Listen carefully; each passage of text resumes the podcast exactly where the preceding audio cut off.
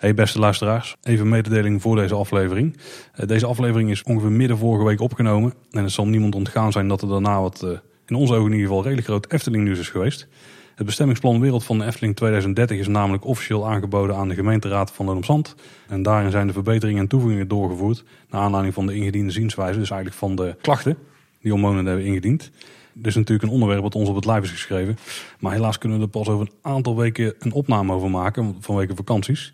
Er zijn niet super veel wijzigingen. Dus het meeste wat je weet, daar staat gewoon nog. Uh, er zijn wel een aantal detailwijzigingen gedaan die niet zo heel veel invloed hebben op de plannen die de Efteling waarschijnlijk al had met uh, dit bestemmingsplan. Uh, denk aan een parkeergarage niet gebouwd mag worden bij het westelijke parkeerterrein. We denken al niet dat ze dat plan serieus hadden. Dus wat dat betreft maakt het niet zo heel veel uit. Eén ding willen we wel nog heel erg graag aanhalen en dat zijn de bouwhoogtes. Je leest namelijk op een aantal plekken, bijvoorbeeld op nos.nl, volgens mij ook bij Omroep Brabant, dat de bouwhoogte overal zou zijn teruggeschroefd van 50 naar 35 meter.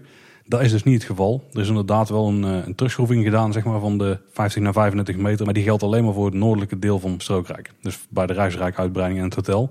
In het zuidelijk deel van Strookrijk kan nog steeds gewoon tot 50 meter hoog gebouwd worden. En ze mogen ook twee gebouwen neerzetten tot 60 meter. Eh, daar moet dan wel extra onderzoek naar gedaan worden en eh, wat het beeld zou opleveren van buitenaf. Eh, maar die opties zijn er dus nog steeds. Dus die grote achtbaan en die droptower, die kunnen we nog steeds verwachten. En binnenkort hebben we het er meer over. Maar voor nu, veel plezier met deze aflevering.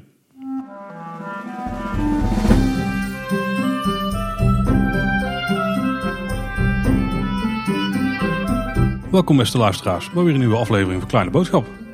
Hoi Tim. Uh, Tim? Nee.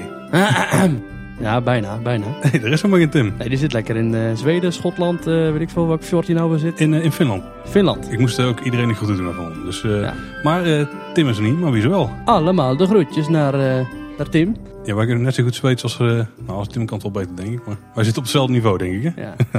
ja, nee, hartelijk, hartelijk welkom bij de nieuwe aflevering van Kleine Boodschap.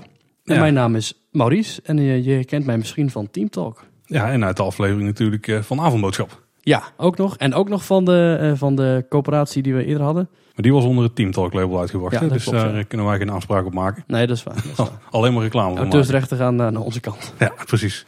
Hey Maurice, welkom. Dankjewel. Ja, we zijn hier een nieuwsaflevering aan het opnemen. Maar ja. uh, dit, is, dit, is, ongekend voor ons, hè? want we hebben het volgens mij al vaak wat verteld, maar wij nemen meestal één keer in de twee weken op. Doen we een nieuwsaflevering en een onderwerpaflevering, zodat we twee weken kunnen vullen. Uh, maar dat betekent dat dit denk ik de kortopvolgende nieuwsaflevering is die we ooit hebben opgenomen. Ja, je hebt je iPod nog niet uitgezet of er staat er weer een nieuwe online? Ja, dus we hebben ook echt wel moeite moeten doen om het uh, nieuws bij elkaar te schrapen. Ha, valt wel mee. Ja. Dus daarom bespreken we nog een paar extra dingen eromheen, denk ik. Er is altijd zoveel te vertellen over dat mooie park in Kaatsheuvel. Zeker. En ik moet zeggen dat normaal gesproken zomer een beetje komkommertijd zeggen ze. Ja. Jij, jij, zit in de journalistiek, dus jij weet misschien beter hoe het zit. Maar... Ja, weet je, eigenlijk ligt het nieuws overal wel op straat. Je kunt van het kleinste dingetje, van een nieuw ijsje of van een dichte attractie of van een, uh, een tweet, kun je altijd wel nieuws maken. Het ligt echt aan de journalist, het ligt aan de interesse van de journalist en aan het lezersgebied dat hij heeft of het luisteraarsgebied in dit geval. Wat als nieuws beschouwd kan worden. En voor Kleine Boodschap zul je zien dat je al ruim 40 afleveringen toch elke week weer ruim een uur lang over dat ene park kunt praten. Dus wat dat betreft ligt het nieuws ook in de zomer op straat. Daar zijn we heel goed in geworden inderdaad. Maar het punt wat ik meer wilde maken is dat het eigenlijk toch best wel meevalt met hoe rustig het is. Sterker nog, letterlijk omdat het niet rustig is in het park ontstaat er veel nieuws. ja, precies. Er is altijd een, uh, iemand die flauw valt of een nieuwe entertainment act of wat dan ook. Dus er is of het is gewoon heel druk en dat levert problemen op natuurlijk. Of het is gewoon heel druk en het levert uh, files op en problemen. Ja, en iedereen die zit nog te wachten op, want daar hoorde ik jullie ook wel over praten in de laatste aflevering, op nieuws uit de Efteling dat er eindelijk iets met de Bob misschien duidelijk wordt. Of dat er nieuws komt over wat er nu met Strookrijk gaat gebeuren of zo. Ja, weet je, ik hou er niet zo van om eindeloos te herkauwen. Dus als we het weer over de Bob hebben, dan denk ik in mijn achterhoofd van... Oh, wanneer komt er nou eens iets concreets over die Bob? Want uh, wat me heel erg opvalt, er wordt niks bekendgemaakt. Maar toch hebben we het er iedere week weer over ongeveer. Het is een beetje een, een, een, een, stok, een stokpaardje van Thomas. Mijn ja. co-host bij Team Talk. Ja, die heeft gezegd die nooit meer open gaat. Hè? Ja, ja, ja, die heeft er nog wat uh, ferme uitspraken over gedaan. Weet je, ik weet het niet. We weten het eigenlijk allemaal niet. Officieel is er niks bekendgemaakt. En dan lekt er af en toe nog wel eens wat uit. Of er worden wat dingen in de wandelgangen geroepen. Maar er zijn gewoon twee opties. Of hij gaat ooit nog open. Of hij blijft voor altijd dicht. Nou, in beide gevallen heb je hele scenario's die je kunt uitschrijven. Die zijn allebei al uitgesproken behandeld in zowel Team Talk als Kleine Boodschap. Volgens mij hebben we zelfs bij Disney Podcast Details het erover gehad. Uh, NOS heeft er nog net niet opgepakt. Maar verder, ja, op een gegeven moment ben je er klaar over. Dan, dan, dan kun je erover blijven doorzagen van... oké, hij gaat dicht. Wat komt er dan een nieuwe attractie? Is het dan een nieuwe achtbaan of is het een andere familie achtbaan? En wordt het dan hetzelfde thema of wordt het een ander thema? Weet je wel, je, kunt blijven speculeren, maar iedere keer als je een, een nieuwe weg inslaat, dan wordt het weer meer vaag en meer fantasie. En wij willen bij Team Talk en volgens mij ook bij Kleine Boodschap een beetje bij de vaste onderwerpen blijven en niet al te veel de speculatiekant op gaan. Dus ja, wat dat betreft is wat mij betreft het hoofdstuk Bob al gesloten. Ook al is de attractie misschien binnenkort weer open. Nou, als hij open gaat, dan is het in ieder geval weer nieuws. En dan mogen we het er weer over hebben. Dan wel. Dan is het, eh, ja, dan is het ook journalistiek verantwoord om het er weer over te hebben. Ah, kijk. Ja, Ja. ja. Dan kunnen we dan bij jullie iedere keer toetsen. hè. Jullie zijn de experts op dat gebied. Nou, nou, In eh, onze ogen in geval. wat dat betreft is, eh is nog altijd ook voor ons een hobby. En eh, journalistiek eh, is eh, geen beschermd beroep. Dus als jij eh, elke week een podcast maakt over Efteling, ben jij net zo harde journalist als ik hoor. Oh, dat durf ik me toch echt niet te noemen. En Oh. Tim eh, net zo min, denk ik. Ehm zullen we er eens even in gaan duiken, Maurice? Want we hebben toch nog een draaiboekje kunnen samenstellen. Dus even checken wat er Ongelooflijk, is dat. Ja. Normaal gesproken behandelen we zaken die we in de vorige aflevering hebben gemeld en waar we echt eh, glad naast zaten of de, waar nog snelle updates op zijn. Eh, die waren er eigenlijk niet zo heel veel afgelopen week. En eh, Want wanneer wordt dit eigenlijk uitgezonden? Want we zitten nu eh, half augustus, maar me- als mensen dit horen, dan zit ik waarschijnlijk op vakantie. nog net niet. Dus komende maandag, dan ben je er nog. Oh, kijk eens aan. Ja, dat klopt. Oh, dus ze zijn nog redelijk, redelijk actueel dan. Ja, ja, zeker, zeker. We doen gewoon, het is niet dat we het vaste schema hebben van we doen nieuwsonderwerp, nieuwsonderwerp. Dat is gewoon eigenlijk net hoe het met opnemen uitkomt. Ja. Als we nieuws maken, of tenminste nieuws opnemen, want nieuws maken we zelf niet. tenminste, nou, Kan wel. soms. eh, dan brengen we het gewoon de eerste komende maandag meteen uit. Ja, en ja, proberen zo dicht mogelijk tegen maandag op te nemen. Maar familie eh, en zo er zorgt er nog wel eens voor dat daar Ja, geen tijd is voor montage. Dus dan, eh, als we op zondag opnemen, wordt het heel krap, zeg maar. Ja. Dan Ja. moeten er wat dingen gaan, eh, gaan vallen. Maar de reden dat we weinig correcties hebben, is denk ik omdat Ramon nog niet had geluisterd. Dus Ramon, als je dit dan hoort, hè, dan de Ja, dat is eigenlijk de echte derde co-host, hè? ja, ja, en die doet echt alle factchecks voor ons. Ja. Dus we zitten er nog wel eens naast. We bereiden redelijk wel voor, maar we hebben niet alle feitjes bij de hand. En we, Wilde Ramon niet komen co-hosten? Ja, daar moeten we misschien nog eens een keer over praten. Sowieso eh, heel veel interessante onderwerpen waar Ramon iets van weet. Zoals Eftepedia Of was zijn Eftelist en tarief wat hoger of zo? eh? Eh, nou, nou ja, die zat wel iets hoger. Ja, Ik ja. weet niet hoeveel ja. essetjes trekjemunten hij wil. Ja, de, ik zeg dat die collectie ook wel is ingeslonken sinds dat ze de jaartallen er niet meer opzetten. Maar dat komt misschien nog wel een keertje. Ehm, er is misschien wel één soort van follow-up stukje. En dat is de titel van de vorige aflevering. Ik had, er, ik, ik had een hele slechte grap. Ik vond wel grappig. slaand op onze zuidelijke vrienden. Amai Tom Tom of zo. Nou, het was dus Allee Tom Tom. Allee Tom Tom. Er is mij verteld door een paar Vlaamse luisteraars dat Amai Tom Tom beter was geweest. Het gaat me helemaal boven de pet waarom. Maar dan Ja, of Tom Tom en Gert. Mooi naar links zo. dat was een betere geweest. Mooi naar, nee, nee, naar links. Nee, nee. die, Mooi, die stem heb je wel, denk ik. Je moet dus een keer downloaden. Maar in ieder geval, ik begreep ook dat Waze veel wordt gebruikt. Dus een, een navigatie. Maar we gaan rijden zo. Je bent beter trouwens dan die nieuwe Samson. Dat is echt is, een eh, dat verschrikkelijk. is de acteur die in, eh, eh, hoe heet dat, Piet Piraat speelt hij de bakker. Piet Piraat ben ik niet helemaal mee. Oké, ja, bij Piet Piraat heb je zo'n zo'n scheepsbakker of zo'n Mhm. scheepskok. En die acteur, die doet de nieuwe Samson. Hm, die vind ik echt een stuk minder dan de originele Samson. Ja, er, zit er, nog, er was nog eentje. Oh, oké. Dus de originele is Danny Verbiest. Ja, mensen, we gaan gelijk de diepte in. Ja, en ook, maar eh, Samson en Gert hebben ooit in de Efteling gestaan. Dus dit is gewoon on topic. Ja, zeker. Eh, de, eerste was, eh, de eerste Samson was Danny Verbiest. Maar die was een stuk ouder dan Gert. En die Nog heeft, steeds, in, die heeft in. Efteling gestaan Ja, met... Danny Verbiest en Gert Verhulst. Ja. Ja. Toen is het een tijdje is het, eh, de acteur geweest die ook de stem van die Big deed, van Big en Betsy. De, eh, zijn naam ben ik even kwijt. is een regeneratie, geloof ik. Ik heb het allemaal gemist, denk ik. Ja, en dat was de tweede, dat was de tweede Samson. En de derde Samson is dus die huidige. Die heet Dirk nog wat. Ja. Maar het mooie is, dus als je naar Plopsaland gaat, of je gaat naar de Samson en Gert Kerstshow, dan is het wel altijd die Samson. Het is Ja. niet dat er zes reserve Samsons klaarstaan. Dus dat vind ik serieus wel goed. Ja, dat doen ze goed bij Studio Ja. 100. Ja. En Gert is altijd dezelfde Gert geweest. Ja, daar kan je niet omheen. hè. Tenzij je gaat kijken naar de Franse variant, want die is er ook nog. Dat is Samson en Fred.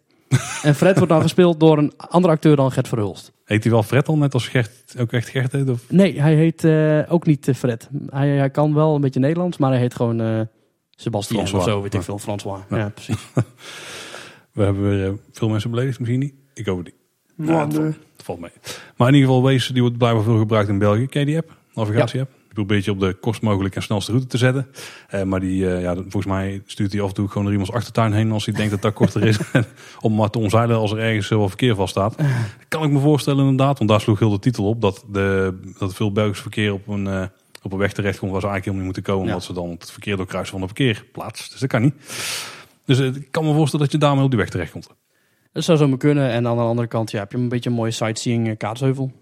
Nou, het mooiste stuk wat binnenkort, denk ik, wat wij beide hopen dat binnenkort eh allemaal mooi bij de Efteling wordt getrokken. Maar Nou, dan was het afgelopen weekend wederom druk in het park. Jullie hebben het er ook al over gehad. Eh, Mhm. Dat wa- was eigenlijk één ding heel erg opvallend, vond ik. Ehm, de Efteling had aangekondigd via mailtje naar alle abonnementhouders. hey, er is een nieuw restaurant. Maak Ja. daar gebruik van. Ja, voor 4,50, Eh 4,75 volgens mij. 4,75. Ja, in de Panorama Lounge. Eh, best een goede deal. Dan krijg je friet met eh, iets erbij. Ja, met vis of met eh kip Met- of iets. Met Ja, kebab en, eh, Ja. ja. Ja. en met eh, groenten volgens mij was een optie nog. Maar dat was een redelijke flater. Ik had het graag willen proberen, maar eh, met mij nog eh 30.000 anderen. Ja, iedereen was erop afgestormd. En Ja. was, ik begreep dat ze een uur eerder waren opengegaan. Maar dat uiteindelijk, zeg maar, volgens mij zou het om zes uur... Op een bepaald moment ging het open en op een nog sneller moment ging het weer dicht. Ja, zat Eh, eh een beetje- uur tussen of zo. Ja, onverwachte drukte en eh, een onvoorziene aantrekkingskracht. En blijkbaar was het zo'n succes dat het de volgende dag dicht bleef. Ja, ik begreep dat er eigenlijk gewoon te weinig besteld was. Dus Ja. er was gewoon te weinig voorraad. Ja, en dan, ja, dan kun je niet iedereen bedienen. Hè? Dus dan nee, houdt het op. dan wordt het lastig. Dus was wel redelijk slecht ingeschat van de Efteling.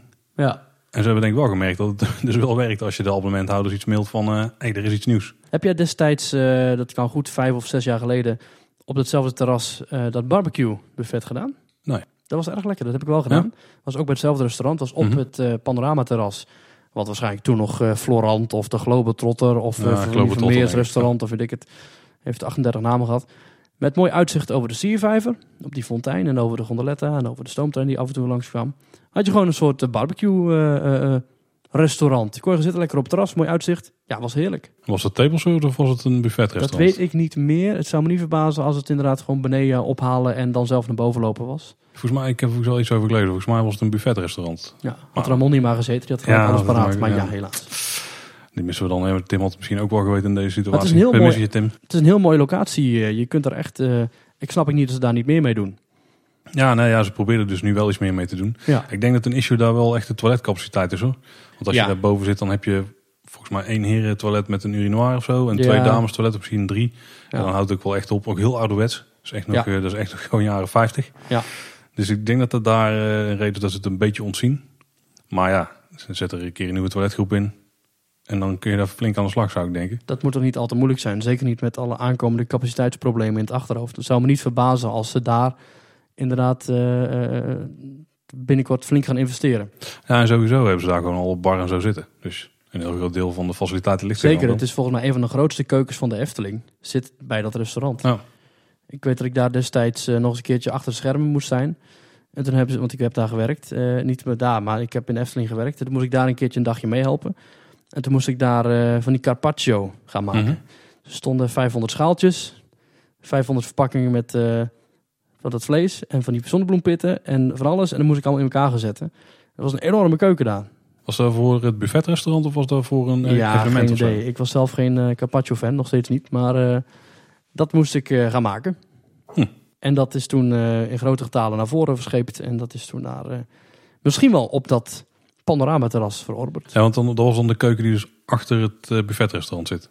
Of eh, ja, het buffetrestaurant achter het self-service Ja, het is de, de keuken die inderdaad, waar, je niet, waar je niet in kunt kijken als je in het park bent. Tegen Vogelrok aanligt eigenlijk. Ja. Met Ja. ja. Oké. Ja. Hey, stel je bent in de Efteling en het is enorm druk. Hoe breng jij dan zo'n avond door? Zeker met die negen pleinfestijnavonden. Is het ook een kwestie van vooral entertainment kijken of eh, probeer je nog wel een attractie te doen? Ja, ik ben dus niet zo'n heel grote entertainment fan. Kunnen we elkaar een hand schudden. maar daar hebben we het binnenkort meer over hier in de Hmm. aflevering. Ja, volgens mij volgende week. Ja, wat ik wel fijn vind bij zulke avonden is dat het altijd in de zomer valt, die negen pleinen festijnen. Dus je gaat heerlijk lekker met een t-shirtje aan, korte broek, loop je door het park heen. Je gaat op een bankje zitten, je eet eens een ijsje. Ik vind daarin de horecacapaciteit eh redelijk toereikend, want je kunt best veel in een acceptabele tijd een drankje hebben of weet ik veel. Mhm. En je zit gewoon op een terrasje, je kijkt een beetje rond. En ook bij attracties als Villa Volta of Monsieur Cannibal of weet ik veel, is het in de avond nooit zo druk. Dus als je een attractie wil doen, dan kan het daar prima voor. Als je een boardingpass reserveert, kun je overdag zelfs nog in de Python. Ja, ja. Via de Single Rider Lines kun je ook nog eh, bijvoorbeeld Joris en de Draak bezoeken of inderdaad de Python. Dus als je niet eh, per se voor de attracties gaat, en dat hoeft voor mij niet per se, want ik, ja, ik kan er elke dag in als we ja, precies. Ja. Behalve op de blokdagen. Ja. Dan is het eh, voor mij prima toe in de Efteling. Ik vind de gondoletten altijd heel fijn met zulke dagen. Want je gaat toch altijd met een groepje. En dan kun je gewoon met z'n vijf of zes in een bootje. En dan ga je gewoon heerlijk eh, een beetje kletsen. Terwijl je toch twintig minuten in een bootje kunt zitten. Waar je maximaal een kwartiertje voor hoeft te wachten. Nou, prima deal. Een kwartiertje wachten. Ik dacht dat het de laatste dagen ook best druk was. Maar misschien wel later op de... Ja, maar zelfs als je bij de gondoletta, die vullen ze best wel goed af. Hm. Dus hoe lang heb je daar ooit moeten wachten? Nou ja, maar ja. als de hele wachtrij vol staat met nog een verlenging erachter, dan hoef je daar alsnog niet een half uur te wachten. hoor. Nee, dat klopt wel. Ja, Ik vind de gondoletta ten opzichte van de wachttijd best wel een goede verhouding hebben. Dat is een goede deal. zeker. Ja. Kijk, Droomvlucht is, eh, eh, is, is eh, 80 minuten wachten voor 6 minuten plezier. Gondoletta is eh, een kwartiertje wachten voor 20 minuten plezier. Wat dat betreft zijn achtbanen eigenlijk een hele slechte deal. hè? Eigenlijk zijn achtbanen best wel slecht, maar die hebben niet zozeer de kwantiteit, maar meer de kwaliteit. Ja, ik kan me niet voorstellen dat je acht minuten in een achtbaan nou heel erg... eh, Ja, precies. Ja, Ontspannen ik vindt. vind, ja. ja, voor gerok is dan ook natuurlijk altijd wel een goede op zulke dagen. Hè? Ja, Want in de avond... Kijk, overdag is het inderdaad meestal hartstikke druk. Maar in de avond nemen ook bij de drukke attracties de wachttijden af. Natuurlijk is het dan niet maar 10 minuten wachten, maar een half uur wachten voor een dagjesmens, voor een Vogelrok, is zeer acceptabel. Kijk, wij zijn als abonnementhouder en waarschijnlijk als kleine boodschapluisteraar gewend aan tijden van vijf minuten. dan Of gewoon doorlopen. Ja. Maar dat is nu eenmaal niet het eh, realistische beeld bij een groot pretpark dat 5,5 miljoen bezoekers per jaar trekt. Nou, dat vind ik nog wel een interessante discussie misschien. ehm, want we zeiden vorige keer al dat eh, de wachttijden met deze drukke dagen eigenlijk bijna zelden boven de 70 minuten uitkomen. En dan zou je kunnen denken, de Efteling heeft zijn capaciteit best goed op orde. Toen ging er online een beetje eh, wat reacties van check en zo. Toen zeiden mensen ook van ja, maar als je, zeg maar de gemiddelde Nederlander, die sluit gewoon niet aan als de wachtrij 70 minuten is. Dus je kunt dan wel de conclusie trekken, de, capaciteit is voldoende. Maar misschien dat mensen gewoon niet aansluiten en dan maar een beetje door het park gaan dwalen of rondkijken. Ja, er zit wel iets in. Wat je dus wel ziet is dat de wachttijden zich wel beter verspreiden. Eerst had je echt een paar piekattracties, maar nu is met drukke dagen is het echt maar een attractie of 12 is het gewoon wel eh 50 minuten of meer wachten, zeg maar. Dus op zich zit in die theorie zit wel iets in. Nou, ik geloof dat het altijd nog acceptabeler is om voor heel veel attracties ruim een uur te moeten wachten. Dan dat er maar drie topattracties zijn waar je 150 minuten voor moet wachten. Zoals in, ik noem, Ja. Disneyland Parijs. Ik voelde hem aankomen. Ja, precies. En dan ga je al met een veel minder zuur gevoel naar huis.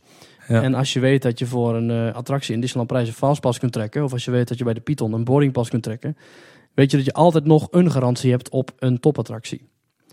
En daarin heeft de Efteling echt wel een, een goede positie, vind ik. Omdat je altijd nog wel eh, in de avond... Kijk, je kunt altijd zeggen, weet je wat, ik geef niet zoveel om die Jurgen de Vrijlich. Ik geef niet zoveel om die, eh, om die hoe heet die, Jelle van Amersfoort. Dan kun je nog best wel wat attracties meepikken, hoor. Nou, ja, zeker rond die tijden, zeker als het laat op de avond wordt, dan kun je best nog wel wat doen. Volgens mij op drukke avonden is zoals Joris en de Draak 20 minuten wachten nog wel te doen. Zeker. Ja. Daarom, het gaat dus ook niet eens zozeer om de drukte bij de attracties. Het gaat meer om de drukte bij de overige zaken. Weet je wel, waar haal je eten als er een drie kwartier een rij staat voor alles? Waar ga je naar het toilet als alle toiletten eh, volzet zijn? Hè, dat is een beetje eh, het punt dat wij proberen te maken in onze aflevering over die drukte. Dat zijn niet zozeer de, de, de, de punten waar de gemeente dwars ligt. Dat zijn niet de hoge kosten. Dat zijn gewoon dingen waarbij ze moeten zeggen: Weet je wat, jongens? We hadden de afgelopen dagen zo'n drukte in het park. We gaan zorgen dat we extra noodtoiletten beschikbaar hebben. En die kunnen we opengooien als het inderdaad een dag wordt met meer dan 30.000 mensen. Ja, helemaal mee eens. Ja. Gewoon een Hey. paar van die mobiele units die ze ergens achter een paar hekken wegzetten en dan is het geregeld. Precies, Ja. hoe lelijk het ook is, het is wel extra capaciteit. Tijdens de winterefteling, als het ijspaleis er staat, dan hebben Dan we gewoon een paar van die units staan. ja, Dus dat ja. zijn hartstikke mooie toiletten. Ja. Nee, daar kan, daar kan ik het alleen maar mee eens zijn. En inderdaad, Die- horeca is redelijk op orde. Behalve echt met de spits, eh, zeg maar. Maar ja, kun je niet zo heel veel aan doen. Ja, behalve Nee, dat is ook vaak de kortzichtigheid van de dagjesmensen. Die zeggen, oh, het is vijf voor zes, we gaan eten. Oh, het is twaalf uur, we gaan eten. Weet je, dat is niet slim. Typisch Nederlands ook, hè? Typisch Nederland. Ja, oh, snel, het is bijna zes uur, we moeten nu in de rij gaan staan. Ja. Ja. Kijk, die, die, die noodtoiletten in de ijstent in de winter, die doen niet onder voor de vaste toiletten die op het Dwarrelplein staan. Nee, nee. Dat, is, eh, Dat zijn dat ook ontzettend lelijke dingen. die gaan er wel een stukje overheen, denk ik. Ja. Ja. Ja. die zijn ook te lelijk om tegenaan te pissen. Maar ja, goed, dat doe je dan toch maar wel. Daar hebben ze nog een frontje voor gezet dan. Maar, Precies. En een beetje goed naartoe getegeld. Ja. En jullie hebben het er ook al over gehad. Volgens mij was het aflevering 2, 31. Aflevering 31, hè? Ja, zou zomaar kunnen, ja. Ja. Ik heb eh, tijdens de opnames van onze eigen podcast niet eens de nummering bij de hand. Dus eh, Nou, ik zie toevallig hier boven de notities staan. Dus daarom weet ik Ah, het. Dat is de ja. enige reden dat ik weet waar wij zitten. ja, ja, ja. Dus eh, daar hebben, hadden jullie een goede discussie over. Met Wessel ook. Dus Ja. luister hier zeker helemaal de vorige aflevering over. Mocht je er meer over willen weten. Ja, de drukte in de Efteling is een dingetje. Jullie gaven ook in jullie podcast weer aan. September en oktober. Ga er maar vanuit, dan wordt het druk. Ja, de Efteling luistert mee, denk ik. Want die hebben aangekondigd dat ze alle weekenden in september en oktober tot 7 uur geopend zijn. In ik denk plaats van inderdaad 6 dat dat komt door Team Talk en Kleine Boodschap. Nou, vooral jullie. Jullie hadden het vooral over eh, september en oktober. Dus daar moeten ze Nou, jullie weg ik, hebben gehad. ik mag hopen dat bij de Efteling genoeg eh, eh, operationele intelligentie zit om dit zelf ook in te zien. Hoewel je dat als je dat afgelopen jaren bekijkt niet echt eh uitblijkt. Maar goed, Als we gaan kijken naar inderdaad al die Albert Heijn tickets die nog aan de koelkast geplakt zitten in alle Nederlandse huishoudens. Als je gaat kijken naar alle reserveringen die waarschijnlijk nu al zijn volgeboekt tot met oktober 2019 in Bosrijk en Loonse Land. Als je gaat kijken naar al die acties overal. Mensen willen gewoon naar de Efteling één keer per jaar. Nou, de afgelopen horrorzomer hebben alle pretparken klappen gekregen. Er zijn parken die de zomer niet hebben overleefd. Ik noem een aardbeienland. Ja, Ja, nou, weet je-. Mensen willen naar een pretpark. Dat is iets wat zeker is. En als het niet in de zomer is, dan gaan ze wel in de nazomer. Nou, Aardbeiland kan nog tot 3 september. Hè? Dus eh sla je Ja. slag nu nog kan. Ja, ja, ja. En een eh, kleine mini-review. Het is niet echt een review, preview. Jullie laatste aflevering. We zijn jullie heel, de hele tijd aan het... eh, Ja, we zijn even aan het, aan het lobbyen dat iedereen daar naartoe gaat. Ja. Nou, dus geef die, steek die mensen nog even een hart onder de riem. Even steek ze vooral wat knaken in de zak. Ja. Zijn ze blij. Ja. Maar in ieder geval dus in de weekenden tot 7 uur open. Nou, ik denk alleen de zaterdagen en zondagen. Ja, en vergeet niet, je kunt dus ook aansluiten tot 1 minuut voor 7 bij de wachtrij van attracties. Ja, zoals de huidige regels zijn. Dus dat is wel een goede zaak. En de horeca blijft ook langer open. Misschien is het alsnog te kort en zijn er waarschijnlijk alsnog dagen waarop je tot half negen kunt aansluiten in de rij. Want ik zie het nu al gebeuren dat er zaterdagen zijn in september waarop het drukker is dan zaterdagen in juli. Daar zou best kunnen, ja. ja. Jullie Maar was redelijk eh dat tam. gaat, eh, gaat toch gebeuren. Ja. Ja, het, is, het is natuurlijk niet uniek of zo. Dus in de herfstvakantie hadden ze sowieso al ruimere openingstijden. Ook in het verleden. Ja. Dat is nu weer. Dan is die door de week ook tot 7 uur open het park. En het was vorig jaar ook al, en volgens mij twee jaar geleden, drie jaar geleden ook al, dat op de echt drukke dagen dan hield het park sowieso een uur langer open. Misschien dat ze die optie nu weer gaan gebruiken, maar dat ze nog tot 8 uur open houden. Ja. Dat zou best kunnen. Dus dan moet je de dag dat je er bent in de gaten houden. Dan zetten ze overal gewoon borden neer. Ja. Of check social media, daar zullen ze het vast ook wel melden. ja, hoewel het een redelijk achterhaald beleid is, vind ik het ook wel redelijk sympathiek beleid. Want ja, je krijgt wel een extra uurtje of een extra twee uurtje Efteling. Ja, in de bestemmingsplannen hebben ze zelf genoemd dat een van de middelen om eh, drukte te bestrijden en ook om de spreiding van de gasten te, te creëren, dat ze gewoon ruimer openingstijden moeten gaan aanhouden. En dan is dit wel een goede stap. Want sowieso in de, in de winter Efteling, dan is het park ook best vroeg dicht, vind ik. Dan is het ook vaak nog tot 6 uur en dan gaan ze ook pas om 11 uur open. Ja. Eh, behalve dan op de echt drukke weken, zeg maar, dan is het wel vanaf 10 uur. Dat, is wel echt krap hoor. Ja, de, de, de, de meest schraperige tijden zijn inderdaad van 11 uur s Ja. ochtends tot eh, 6 uur s avonds. Dus eh, dit is alleen maar prima. Ja. En eigenlijk is het dus nu zo dat je dus vanaf juli, ja, dat, dus het is wel heel beperkt, maar dat je vanaf juli tot en met oktober dus ruimer openingstijden hebt dan dat, we, dan dat je normaal hebt. Nou, is juli en Ja. augustus niet echt uniek, maar ja, dat gaat de goede kant op. Dus het gaat de goede kant op, het mag van mij nog meer. ja, het zou door de week ook best ik, mogelijk ik denken, pleit niet van Magic Kingdom tijden in Orlando, waar je van 8 uur s ochtends tot middernacht het park in kunt. Of een Anaheim van 7 uur s ochtends tot 1 uur s nachts. Kijk, dat hoeft nou ook weer niet, maar Nee. het zou toch fijn zijn als ze ook daarin wat meer richting de 5,5 slash 6 miljoen bezoekers gaan denken. Ja, en sowieso, kijk, stel je hebt door de weekse dagen op de wat rustigere momenten dat het park langer open is, kan ook een goede reden zijn voor mensen, voor buitenlandse gasten vooral, om dan eh, een Bosrijk of een Loonse Landweekend te boeken. Zeker. Of in ieder geval een door eh, trip er naartoe te boeken. Want dat doen ze nu mogelijk niet omdat ze zien dat er in de weekenden alles langer open is en zo. En dan heb je toch meer waar voor geld. Er is geen uitrijk. Ja. Dus je hebt s'avonds eigenlijk niks te doen behalve in je huisje zitten of eh, een rondje lopen over het park. Ja. Over Bosrijk dan of Loonse Land in dit geval. Ja. Dus kan wel helpen. Zeg maar. Als je echt die internationale trekpleister wil horen, ja, dan moeten ze er uiteindelijk wel meer naartoe. Hoewel ik me ook wel afvraag hoezeer die internationale gasten kijken naar die openingstijden. Kijk jij naar de openingstijden van Park Asterix als jij daar in het hotel gaat zitten? Stel dat. Nee, dat niet meer. We gaan bijvoorbeeld naar Disneyland Parijs. Dan hou ik er wel enigszins rekening mee, ja. Oké. Maar het is, inderdaad niet de doorslaggevende factor, hoor. Dat sowieso. Ik denk het ook niet. Ik denk meer dat het op locatie een beetje een tegenvaller is. Van, eh, oh, het sluit aan om dit uur. Dan dat eh, mensen van tevoren dat gaan inzien. Ja. Maar goed, nu zeven uur. Ik praat wel gewoon Nederlands trouwens als ik in Frankrijk ben. Hè?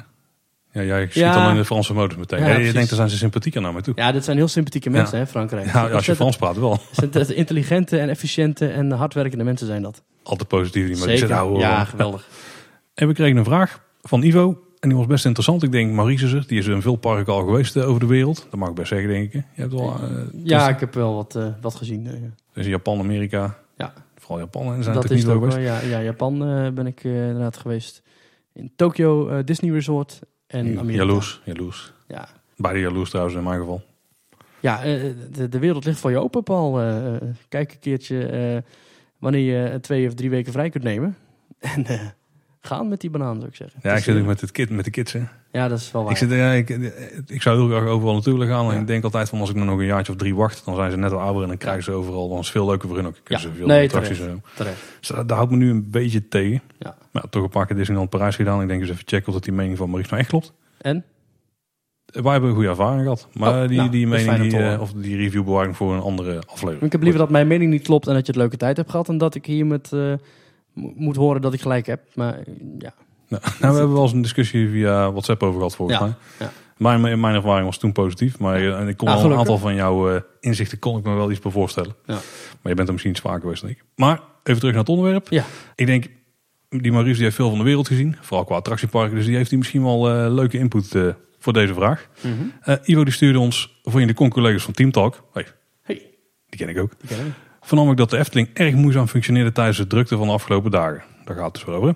Ik zelf denk dat meer horeca veel problemen kan oplossen, maar een aantal kleine attracties erbij zou ook heel veel kunnen doen. Graag zou ik van jullie willen weten wat jullie ideeën hierover zijn. Zelf heb ik er ook al over nagedacht. En dan geeft hij een paar voorbeelden. Een eh ouderwetse swingmill. Het is geen capaciteitsvreter, maar zou makkelijk kunnen worden ingepast op het Draagrijkplein tussen Python en Polka Marina of naast het volk van Laaf. Zodat je Swingwheel, swingmill. Komen zo op. Zodat je de oude kermisuitstraling van zo'n attractie perfect kan inmengen in het Anton Pieckplein. Nou, de, de swingmill is dus eh, de, Een sledgehammer-achtig ding, of niet? Je hebt een attractie, een ronde attractie is het. eh, met het midden een draaischijf. En er zitten al... Die Maurice heeft toch zoveel gezien van de wereld? Ja, dit is een eh, hele nostalgische attractie. Dus die heb je misschien gemist. Aan die draaischijf zitten soort armen. En daar staat je karretje op. En die, die zitten gewoon over, over de vloer heen. Hè, met een wieltje eronder. Eh, maar die armen die kunnen vrij bewegen. Dus jij, eh, het is echt heel ouderwets. Ja, dan ja, ga je ja, rondjes draaien. En dan er het- iemand en die gooit jou heel de tijd. Die trekt even van jouw karretje. Waardoor je flink heen en weer geslingerd Ja, wordt. het is een ontzettend veilig apparaat. Dat kan ik me niet helemaal voorstellen. Ik, Nee, ik, ik ook ik- niet. ik heb ook een variatie hierop gezien. Die was ook wel interessant. Dan eh, is het meer een ovaalvormige baan. Waar een band dan omheen loopt waar die armen aan zitten. Eh, dus die band die, is een heel ingewikkeld uit te leggen attractie. Maar het is eigenlijk gewoon precies dezelfde. Maar dan Ja, in plaats van... hè? We kunnen niet even een plaatje laten zien. Ja, ik zit altijd allemaal... Te gebaren. Ja, maar daar hebben we niet zo heel veel aan. Maar het is eigenlijk precies hetzelfde als met een maar een soort kermisattractie. Ja. Ja. Maar je hebt er ook varianten dat niemand daar jouw karretje en weer slingeren. Dat het gewoon automatisch gaat, zeg maar. Ja. Want dan hebben ze een ovale trek en dan wordt iets meer de bochten doorgegooid. Nou, ik heb één keer op zo'n swingmill gezeten op de Tilburgse kermis. En dat vond ik echt een, eh, echt een lachwekkend Zakjes ding. nodig? Oh, Nou, dat niet. Nee, dat, maar ik vond het... Ja, ik heb niet, al sowieso al niet echt een heel veilig gevoel bij kermisattracties. Maar dit was echt het toppunt. Ja, dieptepunt eigenlijk meer. Het was inderdaad zo'n ronddraaiende schijf. Met daaraan die, eh, die loshangende ha- stangen. En onder ons karretje zaten gewoon winkelwagenwieltjes, zo ongeveer. ja, zoiets, ja. ja. En die draaide keihard rond. En die man die slingerde eraan. En ik dacht van, nou, dat gaat echt niet lang meer duren. Of een van die armen breekt af. Of zo'n wieltje scheurt aan de kant. En dan heb je een vonken regen. En dan is die man zijn- benen kwijt. Maar goed, eh, nee, swingmill, nee, alsjeblieft niet doen. Dat is echt een verschrikkelijk lage capaciteit ding. Eh, maar goed, Nou, je hebt wel een paar attractieparken waar er dus staan, hè? ja, maar die zullen geen 5,5 miljoen bezoekers per jaar krijgen. Ja, Dorney Park heeft er eentje. Dat is toch wel een park met een paar miljoen bezoekers. Maar die hebben zo'n grotere, hè? Dus met zo'n ovaalvormige trek. En dan heb je denk ik iets van 20 karretjes of zo. Wat drie, twee, drie mannen kunnen. Oké. En die hoef je ook niet... eh, er staat ook niet iemand in, het, in de attractie jou een eh, zwiep te geven iedere keer. Dat gaat gewoon al uit. Ja, dat is het beeld dat ik erbij heb. Maar Een ander idee dat Ivo had was een octopus. Nou, die kennen we allemaal. Hè? Dus de, de, de, de- hoe moeten we het eigenlijk doen? Ook, ook een draaiattractie. Met Ja, verschillende armen eraan. En iedere arm zit er weer een paar... Zit eigenlijk weer een draaischijf met losse karretjes. Zijn ideeën bijvoorbeeld om die een beetje een lavathema te geven. En dan kun je er voor- bijvoorbeeld een onderwaterwezen van maken. Is eigenlijk wel vreemd. Een lavawezen zou dan logisch zijn. Dan moeten ze een Hmm. of laven wezen. Ja, of misschien een apparaat of dan door een stoommachine wordt aangedreven met een paar lava animatronics bij om het een beetje, een beetje aan te kleden verder. Eh, een loopingschip stelt hij nog voor. Bijvoorbeeld bij in de buurt van de Baron. dat is wel een redelijk eh, vrede voor de Efteling, denk ik. En een toppeltower. Die moest ik even opzoeken. Bellewaarde heeft er zo eentje. Ja, dat is, dat is eigenlijk een soort paal die eh, op een berg staat meestal. Want onder die berg gebeurt nog van alles. Ja. Eh, met een bakje er rondomheen. Je kijkt vaak naar buiten volgens mij. Ja, en dan die ring, die ring zit dan eromheen, hè? Ja, en die kan Ja. nog omhoog en omlaag volgens mij. Ja. En het idee is dat als je dan omhoog gaat, dat die toren dan eigenlijk omvalt en weer terugstuitert. En dan, die kan volgens mij alle kanten gewoon op. Ja. Dat is een toppeltouw. Best wel. eh, Ja. Ja. Ja, grappig ding. Ik heb er in. Bellewaarde inderdaad in gezeten. ik ken nog nooit, dus ik moest even checken. Maar, Is het iets of. Nou Ja. Het is, het is heen en weer bewegen op grote hoogte, ja. Het is niet heel spectaculair of zo. Het is wel Nee. een geinig eh, lichte trill, denk ik. Zeer lichte trill, ja. Zeer licht. Oké. Ja, ja. Ziet, ziet er wel heftig uit, dat wel. Nou, ik zag er eentje in een, in een filmpje en ik denk, oh, nou, dat is nogal acceptabel. Ja. Ben je een beetje van spectaculaire attracties? Of, eh, van, ik ben wel van spectaculaire attracties, maar ik ben nog veel meer van mooi gethematiseerde attracties. En mijn punt is een beetje bij dat soort kermisbeleving, is dat je die heel moeilijk in een mooi thema kunt gieten. Ja, wat mij een beetje triggerde bij dit onderwerp en bij deze vraag is dat Villa Volta in de basis was een, eh een eh, madhouse ook een, eigenlijk een kermisattractie. Ja. En daar hebben ze toch wel iets van weten te maken, zeg maar. Zeker, en als je kijkt naar Tower of Terror, Oh ja. dat is ook gewoon een voorbeeld, space shot of een, of een Ja. val, valtoren. Dat maar het is gewoon compleet een nieuwe beleving met een heel verhaal eromheen. Dus Maar daar is natuurlijk wel een ander systeem in. Hè? Het is niet het uh, special mechanisme. Ze nee, klopt. echt een die, eh, die lift, eh, Ja. precies. Het is letterlijk gebouwd door liftenbouwers, Ja. het systeem van Tower of Terror. En je wordt ook naar beneden getrokken. Dus je gaat ook sneller naar beneden dan dat de zwa- zwaartekracht je naar beneden zou trekken. Was de Otis? Die volgens mij wel. Hè? Dat weet ik niet. Hm. Zou zomaar kunnen. Dan maken we even Ivo zijn verhaal af. Dit zijn slechts enkele ideeën. En ik weet dat er veel mensen zijn die dit verschrikkelijke, niet Efteling-waardige attracties vinden. Maar ik heb een beetje een sport van gemaakt om simpele attracties te zoeken. En die dan om te zetten op iets wat in een Efteling past. Ehm, en wat dus ook meer waarde kan hebben. En nou is het natuurlijk aan ons de vraag. Met alles wat je in de wereld hebt gezien, Maurice. Wat dan? En ook gewoon met ideeën die je misschien nog in je hoofd hebt van wat zou nu in de Efteling passen. Ja, je, je wil al net beginnen met een verhaal volgens mij wat jij over infills vindt. Dus brand ergens dus over los. Ja, eh, de capaciteit is daar vooral een eh heikel punt. Want, want als je dan kijkt naar de Efteling en een wat zou dan in jouw ogen wel acceptabel zijn qua capaciteit? Alles boven de 500 mensen per uur of zo? Of, eh, Nee, dat vind ik dus al veel te weinig. Alles wat de Efteling bouwt, daar komt volk op af. Ook al is het een simpele droptoren. Ik noem een Toy Story Soldiers drop in Toy Story Land in Walt Disney Studios. mhm. Dat is een heel saai ding. Maar het is mooi aangekleed als een parachutjesattractie van een eh, Toy Story verhaal. Nou, mooi. Hij is aangekleed. Nou, hij is aangekleed als een Toy Story attractie. Ja. Dus willen mensen erin. Dus krijg je wachttijden van 70 minuten voor een zeer marginale beleving. Ja. Dan heb je wel single rider line. Die staat er Toverland ook eentje zo in, eigenlijk. Maar dan, Ja, maar dan zal er geen 70 minuten wachttijd voor staan. nee. nee. Eh, het hele punt is van die infills, is dat het misschien qua attractiewaarde en qua eh, locatie wel een infill is. Dus het is gewoon een tussendoor dingetje. Maar dat maakt die mensen niet uit. Die willen in een attractie zitten en hey, dat is de nieuwe attractie van de Efteling. Daar gaan we naartoe. En dan kun je het niet maken om dan zo'n zo'n dingetje aan te, aan te zetten met, een- met een capaciteit van boven de 500 of boven de 700. Ik denk dat alle nieuwe attracties van de Efteling juist capaciteitsmonsters moeten zijn. Ja, maar dan heb je het denk ik wel over die grote attracties. Hè? Want Ja, klopt. Maar dat is evident aan het feit dat de Efteling nu niet meer met kleine attracties kan afkomen. Die moeten nu gewoon iets groots neerzetten.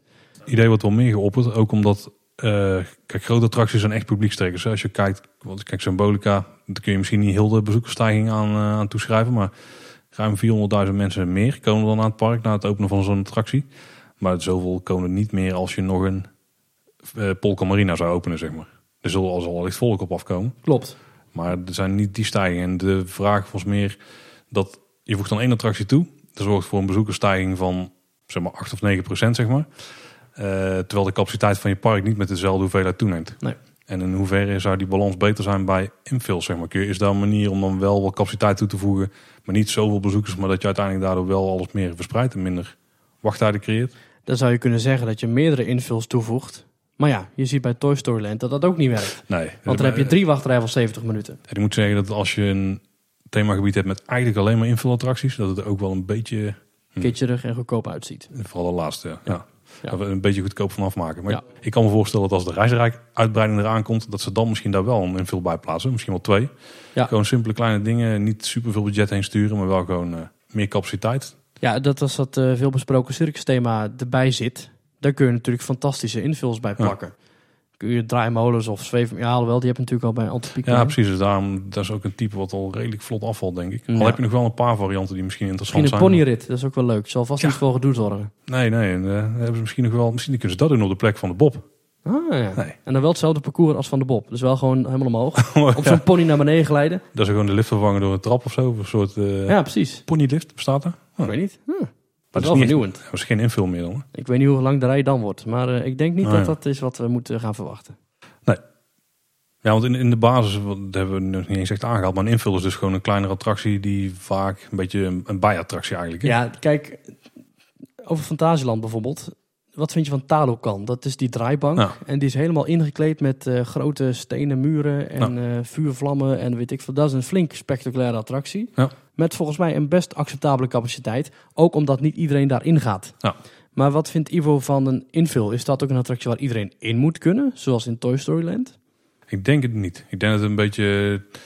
Nou, ik, hm. Kijk, vraag. Kijk, de. Baron heeft een niet al te hoge capaciteit. Ik heb me laten vertellen in die vorige aflevering van Team Talk ongeveer 900 personen per uur. Ja. Dat klinkt als niet heel veel. En dat is alsnog heel weinig. Maar het is wel een attractie waar iedereen pas in mag vanaf de 1,40 meter. Ja. En ook als je dat bent, 1,40 meter, durft niet alsnog iedereen erin. Kijk, een familieachtbaan, die volgens de rumors deze kant op komt, dat is een achtbaan waar iedereen wel in wil en in kan. Dus die moet vanzelfsprekend misschien wel een dubbel zo grote capaciteit hebben Ja. om acceptabel te zijn. eh, dan wanneer je een baron bouwt, waarvan de mensen zeggen dat vind ik te eng, daar ga ik niet, in, dat is veel te hoog. Het is niet verkeerd zijn als ze inderdaad een 1500 plus capaciteit attractie erbij Kijk, en dan, en dan moet je inderdaad echt gaan denken aan Fata Morgana of Pirates of the Caribbean. Nee, die zit helemaal hoog, hè? Zo 2500 Ja, plus volgens Ik mij. geloof dat de Haunted Mansion, eh, dat die de grootste capaciteit heeft van allemaal, dat die echt over de 3000 per uur zit. Ja, dat Zo, is een, een omnimover systeem. Ja, we hebben er al eentje in de Efteling staan. Aan de andere kant, Europa Park heeft er ook verschillende. Magic Kingdom heeft er ook verschillende. Dat zijn de capaciteitsparken. Ja. Daar kun je de mensen lekker doorheen knallen. Ja, Europa Park is wel interessant, want die hebben natuurlijk ook echt superveel attracties. Er zit ook echt wel een hoop invulmateriaal Als bij. je kijkt naar die nieuwe Dark, dark Ride van eh, dat eh, Madame Freudenreich eh, Dino Adventure. Mhm. Of hun Geisterschloss spookhuis. Ik weet niet hoeveel Omnimover attracties ze daar wel hebben. De Atlantis schietattracties, ook weer een Omnimover systeem. Dat zijn allemaal attracties, die hebben een mega capaciteit. Maar je zou ze qua aankoopbedrag en qua locatie en qua hoeveel ruimte je nodig hebt, best wel als invul kunnen zien. En het is voor iedereen toegankelijk.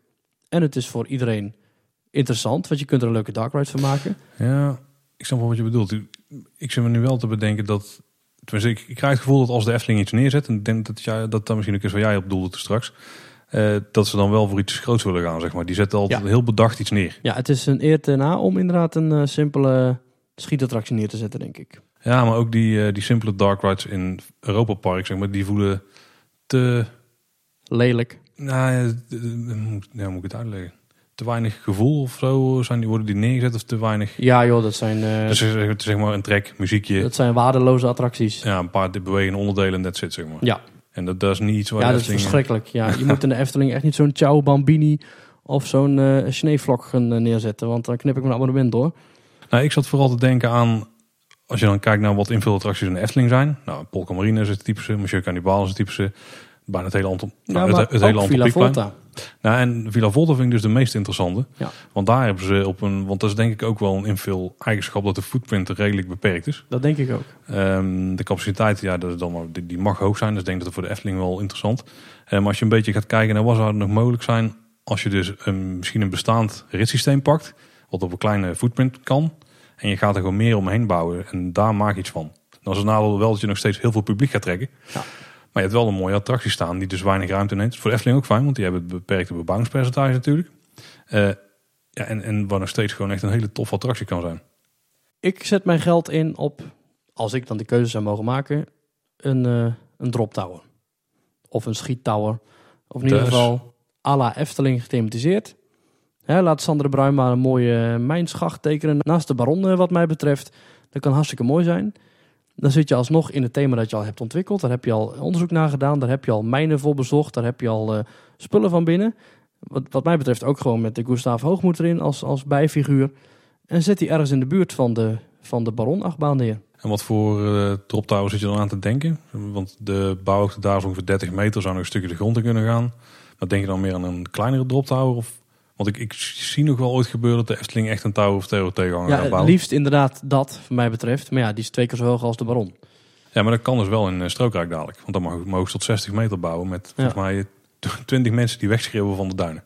Oh ja? Ja, er zijn letterlijk van Wat die een, dingen die eh, erin staan. Ja. Wat specifieke eisen. Ja, nee, dat zou ik dus wel heel mooi vinden als ze zoiets zouden bouwen. Dat is wat mij betreft ook een invulattractie qua attractietype. Het is geen attractie, eh, het is geen achtbaan van, van 40 miljoen. Je kunt Ja. er heel veel aan thema aan hangen. Ik denk niet dat de Efteling inderdaad zo'n simpele... Ik, ik denk dat zelfs Stalo kan voor de Efteling al te simpel is. Mhm. Ja, het is wel nog mooi dat je die aanhaalt. Overigens, eh, nog even over de drop tower. Net als Tower of Terror. Als je een drop tower hebt, dan ga je volledig ombouwen, zeg maar. Met misschien een opening aan één kant. Wat dan ideaal is als je mensen toch moet wegwijzen van de duinen.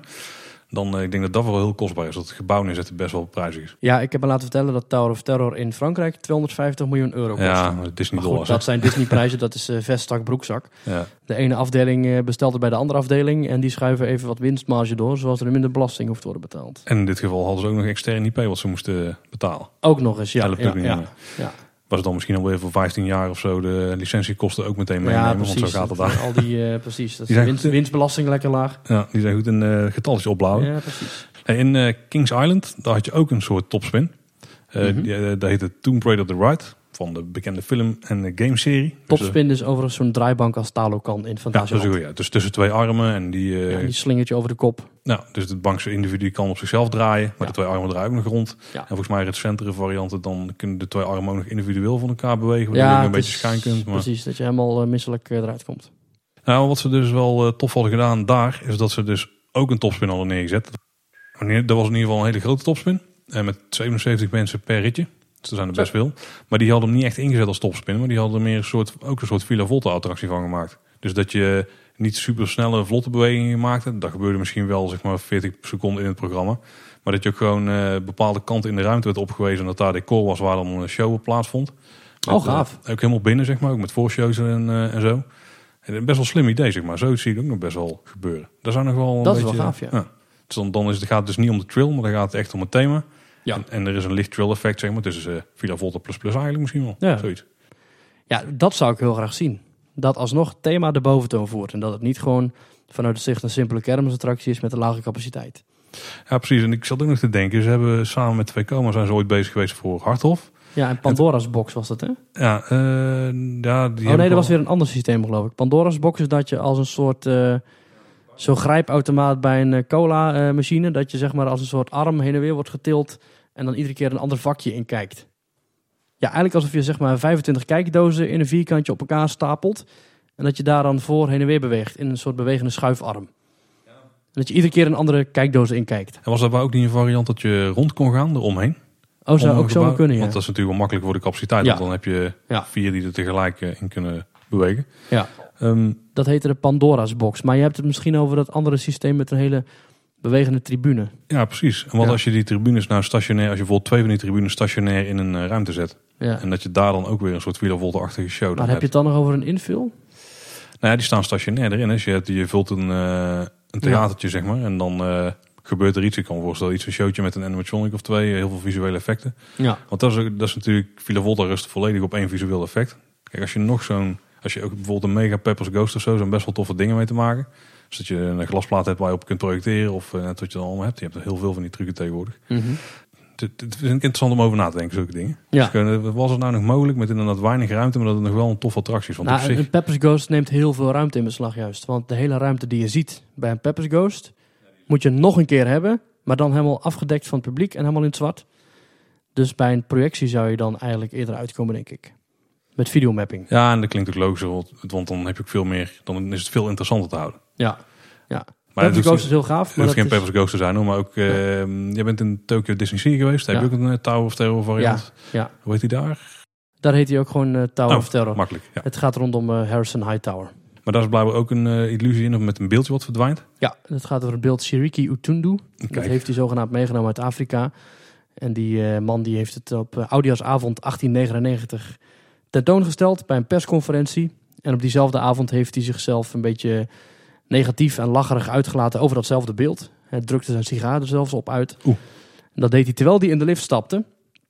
En alleen zijn knecht zag nog hoe de liftdeuren dichtgingen. En toen is er nooit meer iets van Harrison Hightower de derde vernomen. Oeh. En toen de liftdeuren weer open gingen, lag alleen dat beeldje daar nog. Met het hoedje dat eh Harrison Hightower op had. En sindsdien is hij nooit meer gezien. En nu gaan wij als eh, achterloze, onwetende bezoekers het eh, pas weer opnieuw opengestelde gebouw binnen. Waar we worden ontvangen door medewerkers van de New York Preservation Society of zoiets. en die vertellen ons het verhaal van de verdwenen Harrison Hightower. We horen de laatste opname van die persconferentie. En op het moment dat de medewerker de zaal verlaat, komt het beeld dat daar staat tot leven. Dan zien we het verhaal van Harrison Hightower uitgebeeld in de glas- en loodramen in de zaal. En nog voordat we goed en wel doorhebben wat er gebeurt met het beeld, gaat het licht uit, zie je twinkels in de lucht en is het beeld verdwenen. En dan heb je de voorshow gehad en dan stap je dus de hoofdshow in. En ik heb begrepen van heel veel mensen die die attractie hebben bezocht... dat het verdwijnen van het beeldje best wel een... eh, Heel gaaf effect. ja, precies. Ja. Eh, Dus als ze dan zoiets, misschien iets op grotere schaal... misschien moeten ze Hans Klok weer eens een keer bellen van... eh, Oh, wie weet. heb jij nog wat trucjes die we kunnen toepassen? Ja, wie weet. En dat je daar dan mee een ruimte vult. Ik kan me voorstellen dat... is misschien er zou nog wel een Pardoes-attractie kunnen zijn. Nou, misschien wel. Dat, je, dat die daar een, een ma- magie show of zo... Ja, wie of weet. dat ze allemaal nog even eh, weer eh, tevoorschijn toveren. Ja, met Peroes kun je heel veel kanten op. Het Ja. is gewoon een magisch figuur die kan toveren en eh, fantasie gebruikt. Dus daar kun je heel veel spectaculaire dingen mee doen. Ook wel wat heftiger. En misschien dat je Panta gewoon nog bij kunt halen. De slechterik Ja. van het verhaal van uh, Pardoes die nog helemaal geen plekje heeft. En dan is Pieter ook weer helemaal tevreden. Nee, die had het in de avondboodschap had het Oh, dat was het ja. Oh ja, Pieter had, een, ja, had hij gezegd dat... ja, wat ik ook wel... Dat vind ik trouwens ook wel. Had een plek van Pannendroom had hij wat bedacht, toch? Ja, precies. Volgens mij eh, met het systeem van Arthur in eh Europa Park.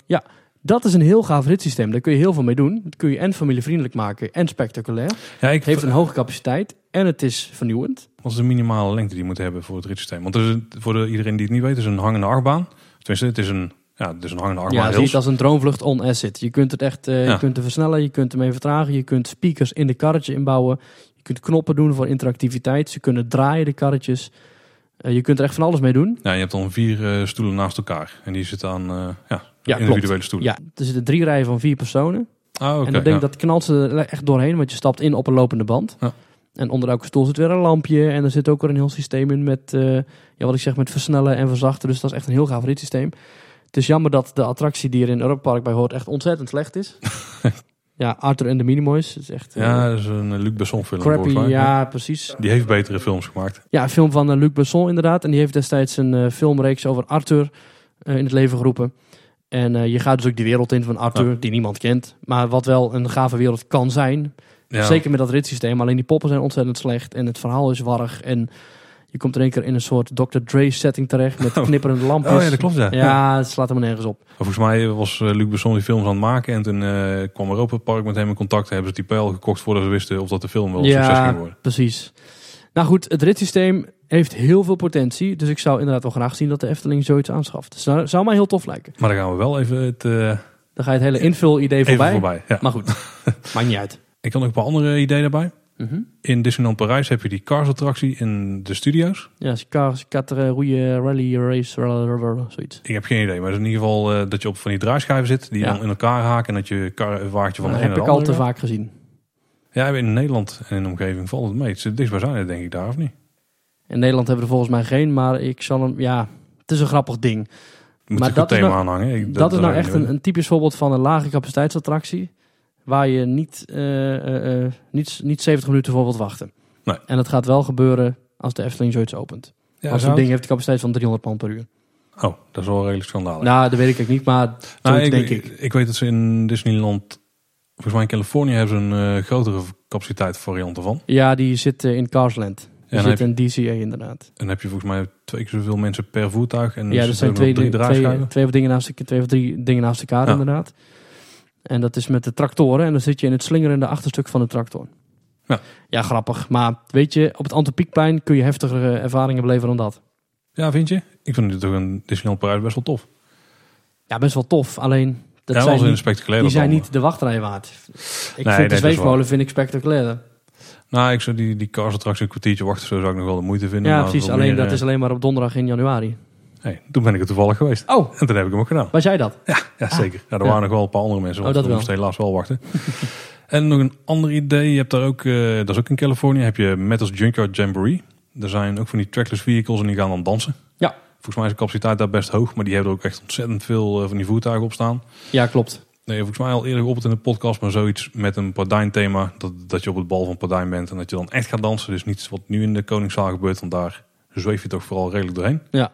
Ja, er zijn ook trackless voertuigen. Dus als Ja. je dan het verhaal van Symbolica wil doorzetten, dat er ook buiten fantasievaarden staan. Of misschien Ja. een soort botsauto-opstelling onder een afdak. Ja, precies. Vooral de laatste. En dan Misschien is een groot eh, wachthok uit de wachtrij van Symbolica. Dat je dat dan uitvergroot en ergens neerzet. En dat daaronder dan... Nou, dat zou misschien wel kunnen op het Hartolfplein. Nou, dat, dat is inderdaad dan een plek waar ik die heel erg eh, geschikt zou vinden. Ja, Eh, je hebt daar best wel veel ruimte.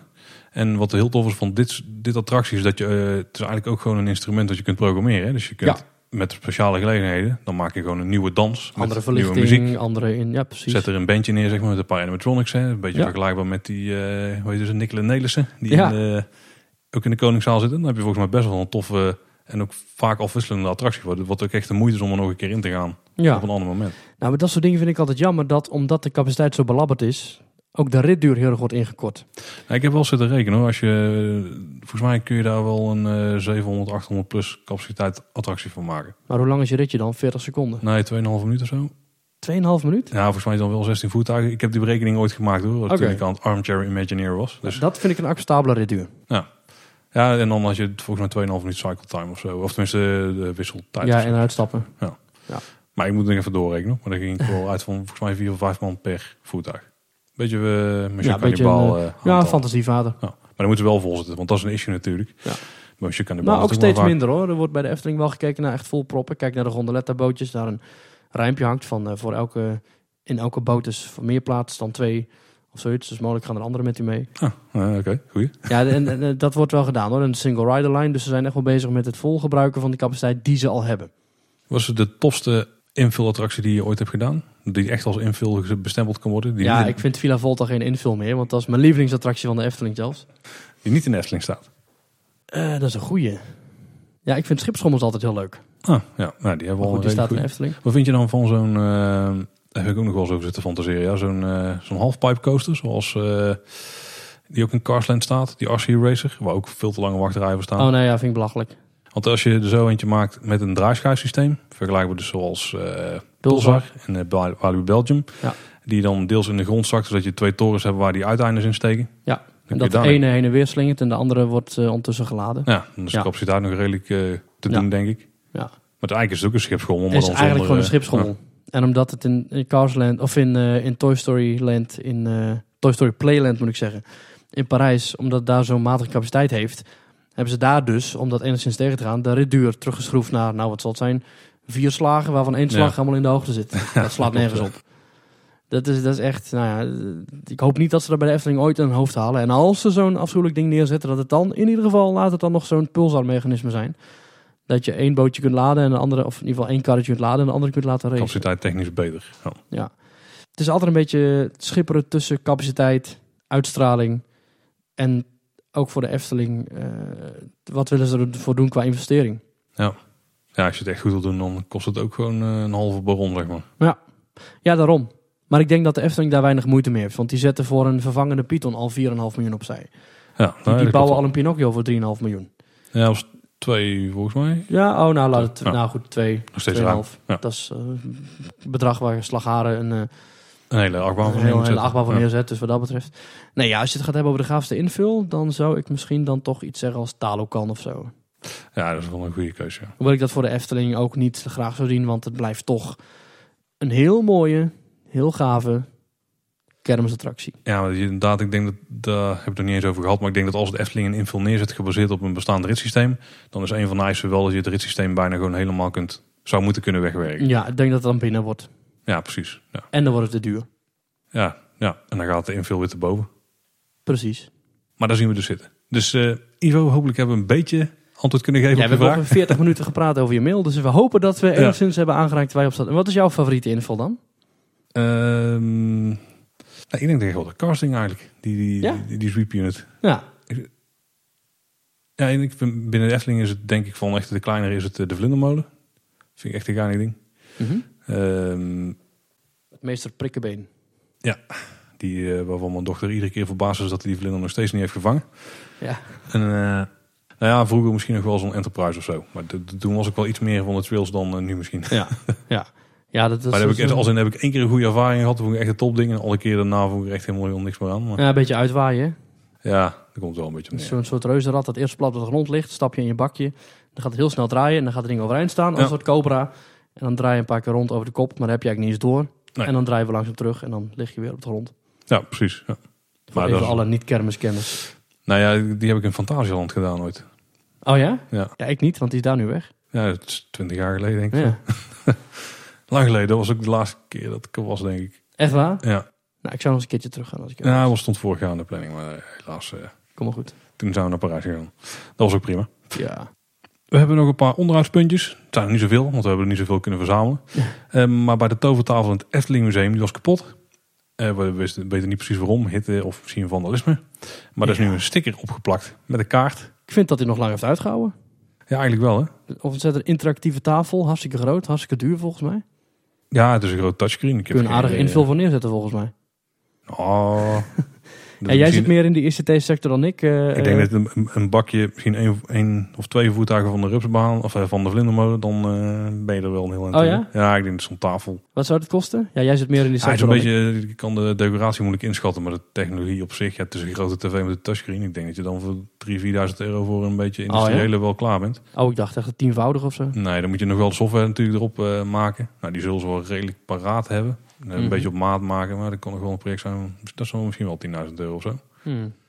Het deed mij een beetje denken aan de wachtrij van de Seven Dwarfs Mine Train in de Orlando, in de Magic Kingdom. Dan heb je een minigame met eh edelsteen of zo, toch? Ja, klopt ja. Ja. Ja, inderdaad. Je hebt een soort, eh, alsof je zo'n bak hebt waar de eh, diamanten langs Ja. drijven. Dat zijn allemaal schermen en die moet je dan aan de goede, naar de goede kant duwen. Die worden daar gewassen zogenaamd. Het is heel leuk om dat te zien.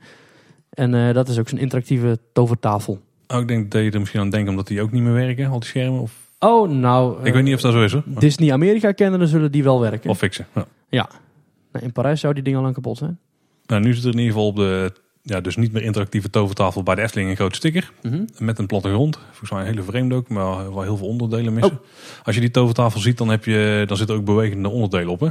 Ja, Eh, klopt. die karretjes bewegen en bootjes bewegen. En, Ja, eh, ja, je kunt met een soort ver- vergrootglas kun je alle geschiedenis van bepaalde plekken zien. Of je kunt alle huidige informatie zien. Of je kunt filmpjes of foto's Ja, of of muziek, geluidjes ja. afspelen. Ja, is heel leuk gedaan. Maar het lijkt dus op dat plat- de sticker die erop zit, dat dat eigenlijk de kale plattegrond is zonder al die bewegende zaken. En Mhm. daardoor missen ook bijvoorbeeld volgens mij wielen van de Baron en zo. En bepaalde, ja, een heel vreemde kaart. Ik, ik weet de details niet. Check Twitter even. Staat er vast op. Of de show notes. Ik zal een link Of ga er plaatsen. even zelf naartoe. Dat is eigenlijk ook nog wel een plan. Ja. Maar niet onze, alle, niet onze luisteraars hebben iedere week eh, een bezoekje aan de Efteling. Nee, dat is waar. Dus dan moeten wij het nieuws even komen brengen. Alleen digitaal, hè, via kleine boodschap. Ja, zeker. Dan kun je helemaal op de hoogte blijven. Eh, want wij behandelen bijna niet de schroefje, maar ook nieuwe borden. Bijvoorbeeld die op de Zoete Inval. Dan zijn de borden weer terug. Heb je daar iets van gezien? Nou, ik heb wel gezien dat ze destijds werden geplaatst, ongeveer tien jaar geleden. Of tenminste, toen heb ik gezien dat er nieuwe borden waren. Die als een soort eh, slechte Suske en Wiske tekening waren eh, opgekalkt. het- Er werd er na tijd dat die dingen werden vervangen, want die zagen er niet uit. Nou, het is iets beter geworden, maar het is nog steeds niet eh, je van het. Hmm. Het is iets eh, nog wel steeds een tikje cartoony. De, de- ook niet alle afbeeldingen zijn dezelfde. Ja, maar- zijn hetzelfde, zeg maar. Ja, maar niet lelijk cartoony. En het was hiervoor Hmm. echt gewoon lelijk. Ja, maar het is ook niet pieks. Nee, het is gewoon niet pieks. En dat verwacht je wel in die Het hoek ziet er hier wel uit alsof het de bedoeling was dat het er zo uitzag. En de tekening hiervoor leek op een soort gerestaureerde Jezusafbeelding in een of andere kerk. Ja, hiervoor hebben we jou uitgenodigd, hè? Eh, ja, nee, dat, klopt. Maar het is wel, het is beter, maar het is nog niet eh, super tof. Eh, ja... Het zijn ook niet, je hebt, het zijn drie afbeeldingen volgens mij. En het, het vreemde is ook dat niet iedere tekening op dezelfde manier is getekend, zeg maar. Dus de ene keer heb je Als wel... we drie tekenaars aan het werk hebben gezet en dat Ja. was de mooiste. En oh, ze zijn alle drie wel mooi, dus laten ze alle drie maar ophangen. Nou, zoiets, ja. Ja, misschien drie stagiairs. Ja, je weet het niet. Nee, ik weet het ook niet. Maar in ieder geval, goed dat die oude woorden weg zijn. Of gewoon alle drie geplaatst en dan kijken welke de minste kritiek krijgt. En die wordt aangenomen. Oké, dus dat is dan nog een rol voor ons als fans. Dan moeten we nog even dat duidelijke uh, Ja. poll, poll Ramon? van maken. Nee, we gaan dat doen. We maken Oké. wel een poll en dan eh, mag iedereen stemmen op zijn favoriete bord. Ja. Zo gaan we het doen. We hebben nog een aantal kort nieuwsdingen. Die vernieuwde snackmuur waar we het de vorige keer over hadden bij de Steenbok, die is in, eh, in gebruik genomen. En hij werkt, kan ik je vertellen. Ja, je hebt hem al getest? Zeker. Eerst op het knopje drukken, dan krijg je de prijs te zien van je snack. Maar dat wist je al, want die staat ook boven bij het raampje. en dan hou je je pinpas er tegenaan en dan bliep. En dan gaat het luikje, hoor je klik en dan kun je een luikje naar wens openen. Ja, en er zijn een aantal eh, kolommen eigenlijk waarbij je het kunt doen. Hè? Het zijn volgens mij een stuk of tien. Allemaal. Nee, niet allemaal. Volgens mij is een deel nog met munten. Oh, ik dacht allemaal. Maar de munten hangen overal ook nog. Je kunt Ja. overal ook nog je munt ingooien. En volgens mij ook overal je pas tegenaan houden. Ik dacht dat de eerste vijf rijen het sowieso was en dan nog een aantal rijen aan het einde. Oh, ik had het idee dat ze het allemaal deden. Nou, dan gaat het Bij de frikandel werkt in ieder geval. Ja, dat is helemaal links denk ik. hè? Helemaal links, ja. Volgens, volgens mij de dubbele snacks die daar liggen, die hadden dan weer niet die optie. Ik dacht het ook wel hoor. Hm, misschien hebben ze het nog wel aangepast. Hmm. We moeten weer op onderzoek uit. Ja, En natuurlijk een snackje uit de muur trekken. geen probleem. Dan hoeven ze thuis niet te horen. Eh, bij het Efteling Theater daar zijn, ze, er zijn de Karo-vlaggen verschenen. Dus daar Oh. gaat, eh, ja, daar, daar komt steeds dichterbij. Hè? Ik volg dat hele Caro eigenlijk niet, maar ik begreep dat er ook een filmpje online was gezet van de making-of of zo. Of van ja, de van wat, of wat beelden achter de schermen inderdaad. Ja. Dat hebben we de vorige keer Ja. behandeld. En eh, Dat mag ook wel, want over een maand is de eerste show al geweest volgens mij. ja, zeker. Want 15 september is de première uit mijn hoofd. Oké. En volgens mij beginnen ze vanaf begin september met de try-outs. Dus dan kun je voor een gereduceerd tarief. Ja, met Kijken. abonnement kun je waarschijnlijk weer korting krijgen. Eh, ja, ook nog. Ja. Is, is het nou net zo duur als eh, Sprookjesboom 12 of is het echt wel een wat serieuzere prijs? Ik heb geen idee eigenlijk. Oké. Als je in ieder geval decor ziet, dan ziet het er wel, eh, wel, cool, wel mooi uit. Echt een beetje steampunk eh, thema. Oké. En dus met flink veel tandwielen en radar, radar, radaren, radaren, radars, radar. Wat Ik, ik zou zeggen radars. Ra- nee, dat zou ik niet zeggen. raden Ik misschien. zou zeggen raderen. Raderen, Raderen. daar ga ik voor. Ja. Interessant ook voor de Ja. luisteraar. En eh, heel veel goud en een beetje rood en zo. En, eh, nou, Nee, ik ga er wel naartoe. ja, ik, eh, wij gaan er ook zeker in. Dus dan eh, doen we even terug rapporteren wat we ervan vonden. Heb je elke show gezien inmiddels of niet? Ik heb helemaal geen één show gezien in het Efteling Nog nooit? Nee, nog nooit. Nou, Volgende aflevering. Entertainment, daar gaan we het erover hebben. oké. Ja. Ben jij zo'n entertainment hater? Ja, Oh, ik heb destijds de eerste shows wel allemaal gezien, omdat ik gewoon wilde weten hoe de Efteling dat aanpakte. nou, ik ben geen entertainment hater. Ik alleen, ik, eh het trekt mij gewoon niet. Zeg Nee. maar. Als ik moet kiezen tussen eh filmpje kijken of naar een eh, musical of zo, dan is die keuze snel gemaakt. Oké. Oké. Interessant hè? Maar Ja. het in de toekomst, Tim en ik hebben het daar nog heel erg uitgebreid over. Ja. In Symbolica is de zwevende taart terug. Ik heb hem ook al gezien, ja. Heb je hem ook al gezien? Ja, Zo, wanneer, wanneer was je dan in de laatste keer in het park? volgens mij gisteren. Oh, oké. Was Nou, in ieder geval, ik was er een van deze dagen. En eh zag er leuk uit. Hij was wat kleiner dan ik me had voorgesteld. Ik had zo'n filmpje gezien dat hij redelijk groot leek. Misschien is hij ook kleiner, of misschien, eh, ja, weet ik veel. Maar, Ja, voor, ik, ik stel hem wel heel klein voor. Dus als hij dan nog kleiner is, dan gaat het wel heel erg tegenvallen. Maar nou, ik denk dat hij net zo groot is als een cd. En dan Oh, daarop een taartje. oh, dan is het inderdaad kleiner dan ik had verwacht. Ik had een centimeter of twintig doorsnee of zo eh, verwacht. Maar, nee, niet 12. al te groot, maar hij valt ook niet zo op, want ik wist het niet dat hij terug was.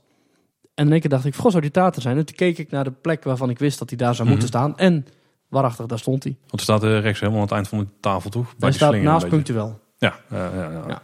En ik heb trouwens ook voor het eerst watereffecten gevoeld in eh Oh, doen ze het ook bij de vis. Ja, Ah, oké. heb ik nog nooit eerder gevoeld. En het waren, wat ik vond wel leuk. Want eh, ik, zou, ik had verwacht dat het gewoon van die simpele druppeltjes waren. Maar het was echt zo'n zo, zo klets water. Dat vond ik wel leuk. Ja, dat is echt een flinke druppel in Ja, het, hè? dat is echt Scheutje. een, eh, ja, dat vond ik leuk. En hoe reageerden de rest van de mensen erop? Ik zat met een paar Amsterdammers in het fantasiekarretje. want het waren, ik zat via de single ride line. En die waren er al eerder in geweest. Dus ik hoorde al van, ja, dan gaan we al. Ik weer nat worden bij die vis. En toen eh, bij, de, bij Alma zag je dus al die walvis bij de skelet. Zag je, daar zagen ze al staan. Ja. En toen zagen de jongetjes ook. Ze, oh, kijk maar, mama, dus, eh, dus die walvis weer dadelijk. En toen waren we bij eh, de walvis. Mhm. En toen was het van, eh kreeg die klets water in. En dat vonden ze allemaal wel hilarisch en leuk en zo. Dus dat is dan wel iets wat de mensen onthouden na een ritje in Symbolica.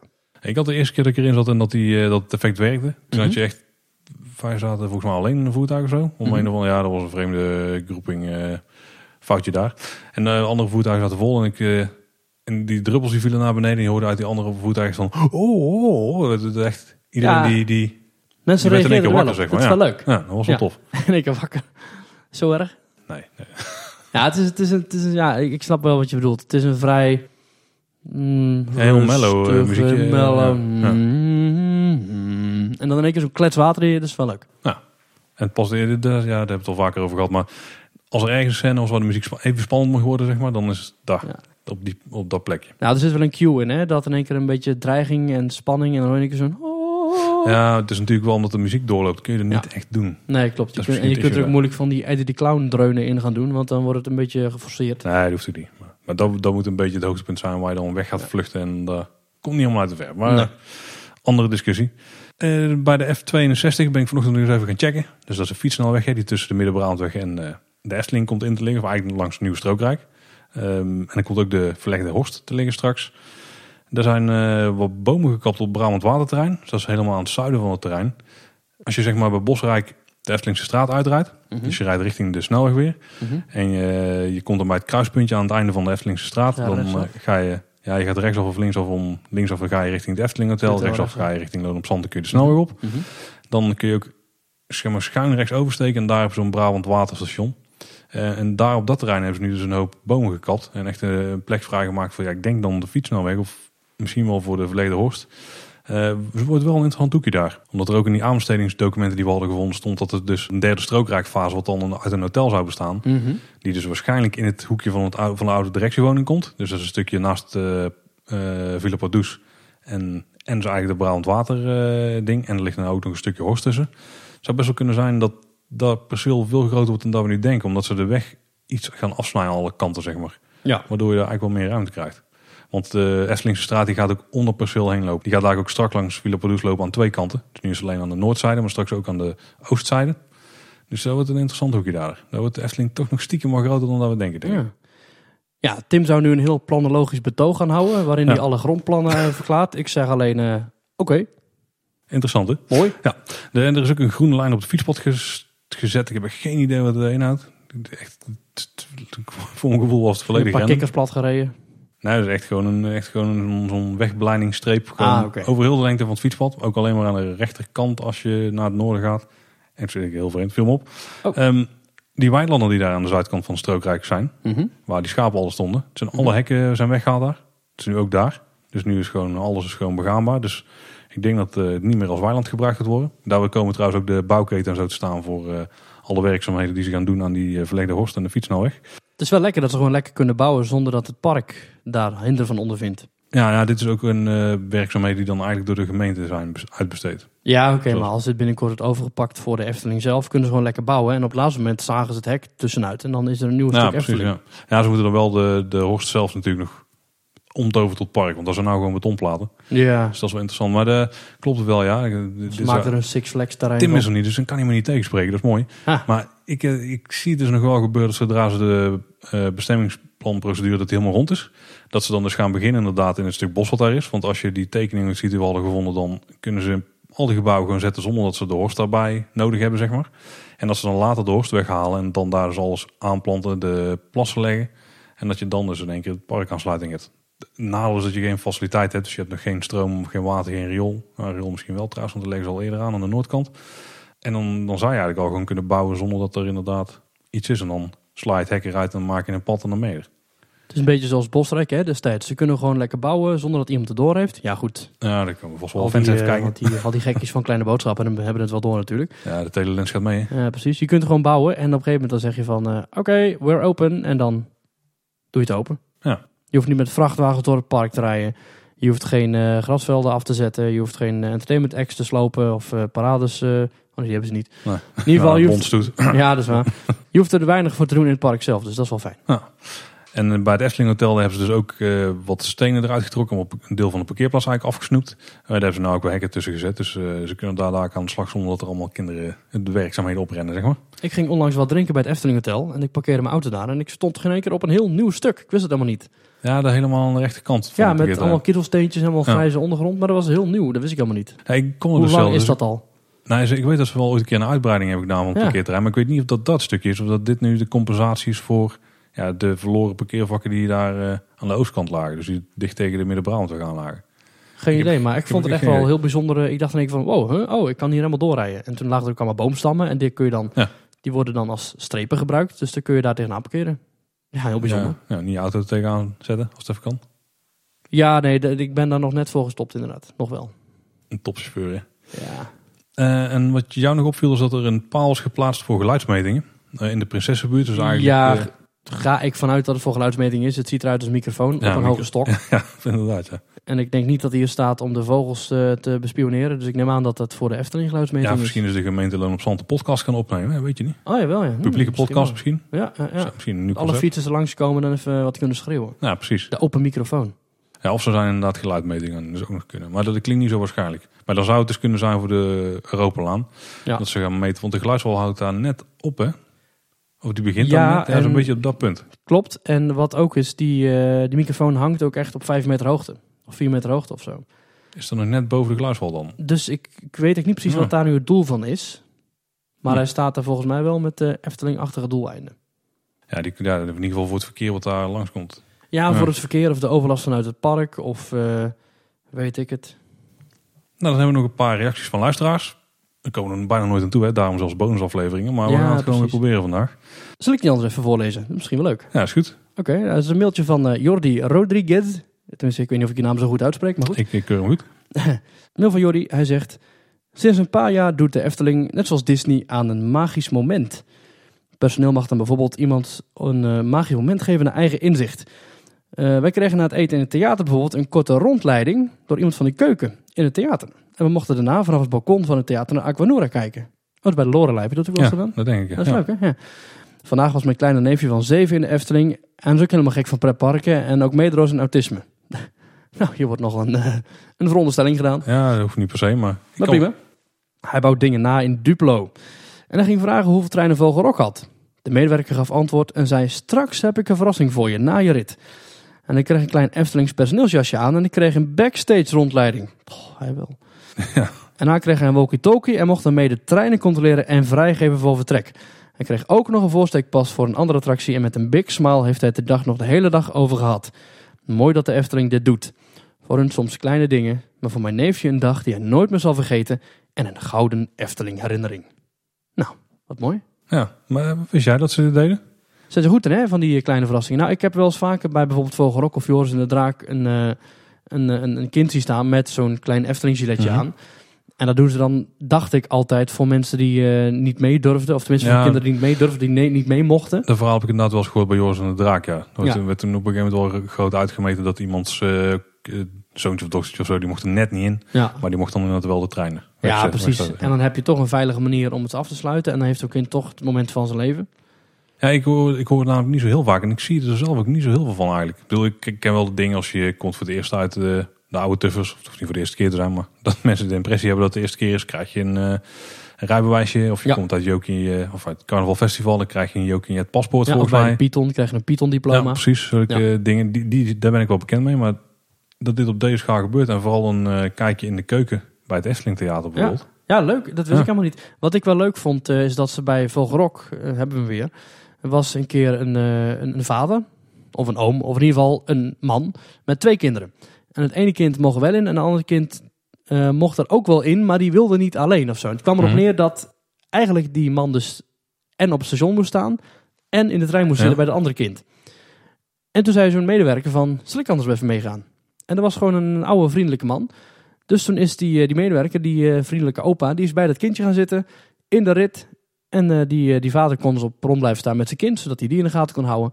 Ja, dat is weer een heel mooi voorbeeld van een, nou ja, ik wou zeggen een goedkope, maar zelfs een gratis actie. ja. Gewoon verraste gast. Het is heel erg onverwacht en die vader en ik hebben het er nu toch weer over. Dus het is iets wat je heel simpel kunt oplossen. En zo maak je van een minpunt, zoals de vader kan niet op twee plekken tegelijk zijn. Of het kindje mag niet in de attractie. Maak je in één keer een ontzettend groot pluspunt. En misschien moeten onze luisteraars vragen dat als die ervaringen met dit soort eh, magische momenten, Ja, dat ze die eh, naar ons doorsturen. Ik ja vind van, die, wel, van, eh, die, van die, van die eh, Efteling medewerkers pluspunten.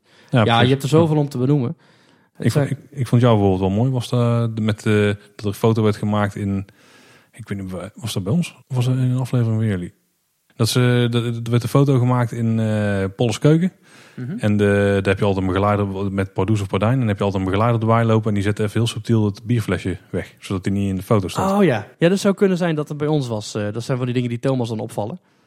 Ah, ja, ik- Maar misschien was het ook wel bij jullie hoor, ik weet het niet. Nee, ik dacht dat ik hem jou had horen vertellen, maar ik weet niet meer Oké. waar. Oh, waarschijnlijk was het dan eh, Thomas. In Team Talk. De andere podcast over Oh ja, dat kan wel in de Thomas was. Te Ja, zoeken zeker. via www.teamtalk.nl. Die mag dadelijk alles pluggen. Is Rustig aan, rustig aan. en nog een eh, andere vraag. eh, wat Tim misschien een beetje moeite mee heeft om die te beantwoorden. Dus ik denk, bewaar hem nou voor zo'n moment als dit. Oh. Een mail van Marijn kregen we. En die was eigenlijk heel, eh, heel straight to the point. Welke podcast app gebruik je om te luisteren naar je favoriete podcast? Oh, ik gebruik Stitcher. Ja, eh, wat Stitcher was vroeger, was dat... Ik, wij zijn ook op, tegenwoordig op Stitcher te vinden. Want dan moest je los voor aanmelden. Kwam ik Oh, echt waar? achter. Ja, Dat is wel fijn, want dat wist ik niet. Want ik download jullie altijd los. Die hoeft niet meer. Mooi. Ja, je, kunt Ja. dus gewoon, eh, je had het ook eerder mogen melden. Maar niemand was er nog ooit mee gekomen. Oh, nee, ik dacht dat ik het wel ooit een keertje heb opgegooid. maar- Oh, eh, Ja, nee, eh, Stitcher, ja, het is... Ik vind het ook niet de meest fantastische podcast-app die er is. Maar goed, eh, ehm, ik heb hem gewoon gedownload, want hij was voor, voor Android. En ik heb daar verschillende podcasts in staan. Zoals Details en Team Talk. En ook Smaakmakers, een podcast over eten. En No Such Thing as a Fish. Een podcast Oh, oké. over onzinnige feitjes elke week. Een podcast over Wie is de Mol. In ieder geval, je gaat dus... eh, eh, eh, je kunt dus podcasts downloaden die je interessant vindt. En je kunt via het plusje kun je erop abonneren. En die downloadt dan elke keer automatisch als je in de wifi zit de nieuwe afleveringen. En inderdaad. nu dus ook de nieuwe aflevering van Kleine Boodschap. Wat leuk. Ja, dat kan ook, hè. Snel abonneren. Ja.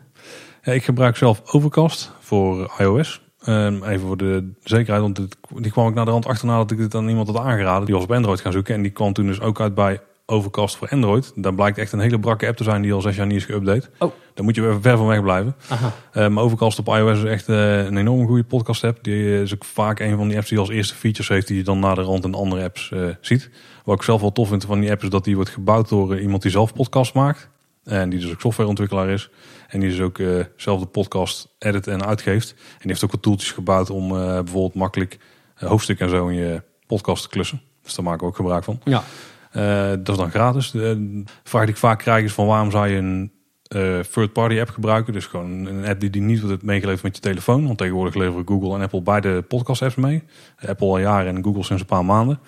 En, en waarom zou je dan een andere app gebruiken dan die? Want die voldoen in principe prima. Want het concept wat je net vertelt van... Zit wat in. Je zoekt de podcast op, je duwt op het plusje. Of je abonneert je op een podcast, daar zit er ook gewoon al in. En je kunt er ook prima luisteren. Je hebt ook een paar snelheid instelopties. Volgens Ja. mij als je iets sneller wil luisteren. Maar daar houdt het wel een beetje, Ja. een beetje op. Eh, wat Overcast bijvoorbeeld heel tof doet, is dat die hebben een concept dat heet Smart Speed. Als je mensen hebt die niet pauzeren tijdens het praten of die er vallen wat natuurlijke rustmomenten, dan knipt hij die er gewoon automatisch tussenuit. Eh het scheelt echt tot 15% of zo in je podcast Dus luistersnelheid. dan klinkt Thomas nog sneller. Eh, ja. Oh. Nou ja, hij klinkt op zich niet sneller, alleen hij heeft zijn zinnen volgen elkaar sneller op, zeg maar. Ja, precies. Ze hebben ook een toffe feature, die heet dan Smart Boost. Want je luistert op een iOS-apparaat. Je weet best wel vaak zeg maar, waarop je het luistert. Dus als je bijvoorbeeld over je iPhone-speaker luistert. Ja, die zijn, er zijn niet zo heel veel iPhone-speakers. Er is ook niet zoveel afwijking. Dus eh, dan hebben ze een speciale eh eigenlijk geluidsprofielen voor al die speakers. Zodat het het meest zo optimaal mogelijk klinkt. Dat hij meer mono afspeelt of zo. Eh, dat is dan dan sowieso, maar dat doet iOS zelf volgens mij. Maar dat, ze weten welke speaker het geluid eruit pompt. Dus ze weten ook wat de positieve karakteristieken van zo'n speaker zijn. En dan focussen ze daarop met de frequenties en zo. Het is een ingewikkeld eh, technisch verhaal, maar daar hou ik van nerd. Daar kan ik helemaal flink op nerden. en een paar features als dat je je playlist zelf kunt samenstellen. Dat je, dat je een soort automatisch samengestelde playlists hebt. Dus ik heb een up-next lijst en dan komen automatisch eh, nieuwe afleveringen van bijvoorbeeld tientalk in terug. Geeft hij je ook suggesties voor andere podcasts of Ja, niet? ja, Ja, maar dat doet, eh, hij. Stitcher ook wel. Nou, Stitcher doet dat wel beter hoor. Want eh Overcast wat dat betreft heel erg vreemdstatig georganiseerd. Het is een bedrijfje van één mannen. Oh. Stitcher werken volgens mij eh, misschien wel 150 of zo. Oh, echt? Ook ja, dat is echt een groot bedrijf. Ja. Die produceren ook zelf podcasts tegenwoordig. Die volgens mij niet een Wolverine. Ja, je hebt podcast Stitcher. Premium. Ja, nou, ze hebben, ik heb laatst een interview gehoord met, eh, dat was trouwens interessant. Dat was met eh, een van de eindbazen van Stitcher en die ontwikkelaar van die app waar ik het nu zo over heb. Eh, en Stitcher Premium, er komt nou een Wolverine-serie op. Dus van de X-Men, die Jaapie met die messen uit zijn De vuist. knokkels. Ja, dat, weet- je wel in ieder geval over wie het gaat. Ja, in ieder geval, daar- daar gaan ze dus- fantastische stuntshow natuurlijk gezien in Movie Park Ja, natuurlijk. Ja, ja. Vroeger.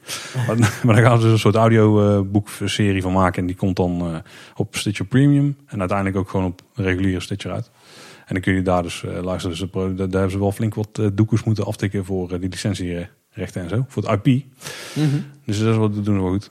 Maar in ieder geval Overcast is gewoon heel cool. Heel veel handige features. Ik denk als je eenmaal een podcast-app hebt gevonden waar de podcasts in zitten die je leuk vindt, dat je dan niet heel Ja. snel weer overschakelt naar een andere podcast. Nou, de meeste podcast apps die maken gebruik van de Apple database. Apple stelt in principe gewoon open. Daar kan iedere podcast app op inprikken.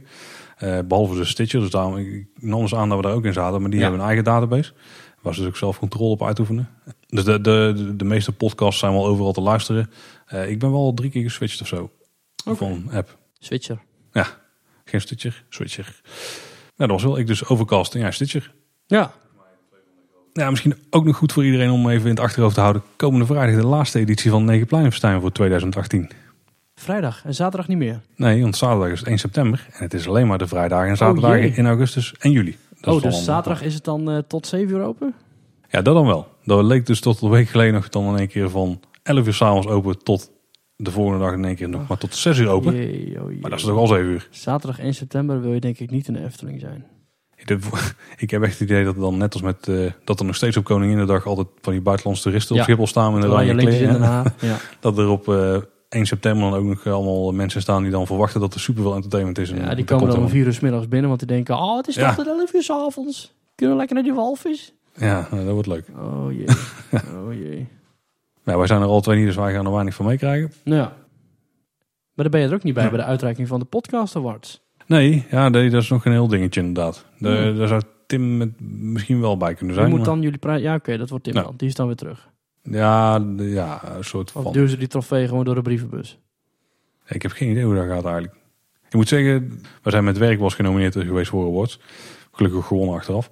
maar dat, dan, dat is echt gewoon een super commercieel gebeuren. Hè. Dan, Ja. eh, dan, moet je, dan heb je tafels die je dan kunt kopen. Of ja, weet ik veel hoe je- hoe het werkt. Maar je, je legt gewoon echt een flinke zak geld neer. Daar gaat het gewoon echt om 300 euro per man. Hè. Om dat soort bedragen gaat het dan. En dan kun je aanwezig zijn. Dan krijg je wel de hele avond eten en drinken. En dan eh, krijg je show. En we hadden dan... Bij ons was het een best wel eh, grote prijs in Nederland voor eh, ons vakgebied. En dan kwam Jort Kelder te presenteren en zo. Nou, die kun je gewoon inhuren. Hè? Nou ja, tuurlijk. Moet je de grappig eens kijken op jordkelder.nl. En er staat een ontzettend arrogant, maar wel grappig geschreven stukje over dat Jort Kelder niet zomaar komt opdraven. En dat als je hem wil hebben, dan moet je wel echt een ontzettend goede reden en een goede zak geld klaarzetten. Want anders komt hij gewoon niet. Nou, vooral de laatste denk ik inderdaad. Ja. En dan was wel op een toffe locatie en zo. Maar ja, de eerste keer nadat we daar naartoe waren geweest, want we zijn er drie keer geweest of zo.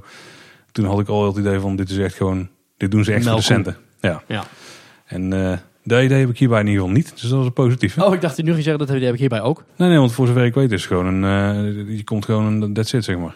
Ja, we hebben nog geen factuur ontvangen, dus eh, we zien het wel. Ja, we ook niet. Maar dit, dit is, eh, komt een stuk sympathieker over dan die awards die wij dus, eh, Ja. zeg maar, werktechnisch hebben gewonnen. Ja, Niet dat we deze gaan winnen, daar ga ik absoluut niet van uit. je weet maar nooit.